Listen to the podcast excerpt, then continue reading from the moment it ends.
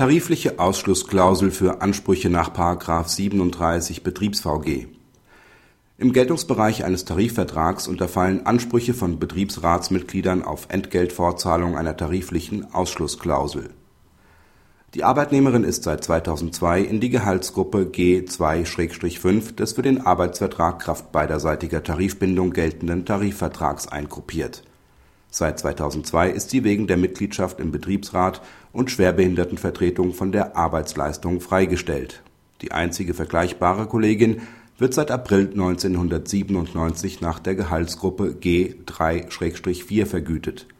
Im Dezember 2007 wird die Arbeitnehmerin rückwirkend ab Januar 2007 in die Gehaltsgruppe G 3/4 eingruppiert.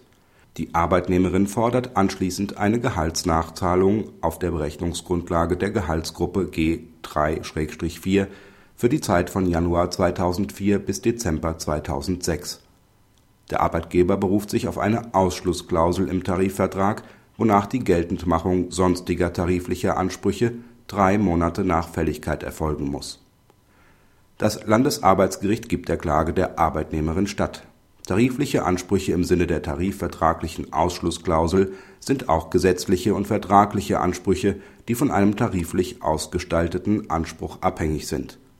Ausschlussklauseln sollen Rechtsfrieden herstellen und langwierige Schwierigkeiten vermeiden. Diese Ziele werden nur dann erreicht, wenn alle Ansprüche, die rechtlich ihrerseits von tariflichen Ansprüchen abhängig sind, in gleicher Weise der tariflichen Ausschlussfrist unterworfen sind.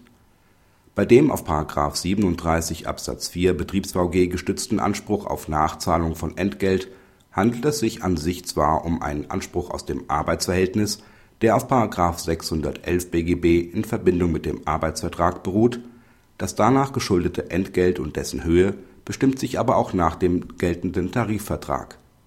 Der Nachzahlungsanspruch setzt also einen entsprechenden tariflichen Anspruch voraus, da er ohne einen solchen, vor allem der Höhe nach, nicht darstellbar wäre. Das gleiche gilt für den Anspruch auf Entgeltfortzahlung nach § 37 Absatz 2 Betriebsverfassungsgesetz. Auch dieser hat seine Grundlage in § 611 BGB und soll das Entgelt des Betriebsratsmitglieds sichern. Auch dieses Entgelt bestimmt sich nach tariflichen Regelungen. Im Ergebnis gelten sowohl für den Nachzahlungs als auch für den Entgeltfortzahlungsanspruch dieselben tariflichen Ausschlussfristen, die auch für den ausschließlich arbeits und tarifvertraglichen Entgeltanspruch gelten. Praxishinweis Dass Arbeitnehmer und Arbeitgeber die für sie geltenden tariflichen Ausschlussfristen kennen und beachten sollten, versteht sich von selbst. Bei Ausschlussfristen, die sich auch auf sonstige tarifliche Ansprüche erstrecken, ist das aber nicht immer gewährleistet von der Ausschlussfrist kann insbesondere ein Entgeltanspruch erfasst sein, der auf vertraglicher oder gesetzlicher Grundlage beruht, wenn die Entgelthöhe im Tarifvertrag geregelt ist. Das Label Sonstige tarifliche Ansprüche erweist sich dann als Etikettenschwindel.